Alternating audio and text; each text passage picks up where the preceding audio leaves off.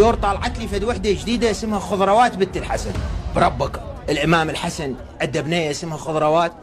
المزارات أهمية في العراق. جهل مقدس وتجارة رابحة. انتظرونا كل اثنين في بودكاست جديد نتحدث فيه عن قصص لم تروى ولم يسلط الضوء عليها في العراق. تابعوا بودكاست بالعراقي. معي أنا سجد الجبوري.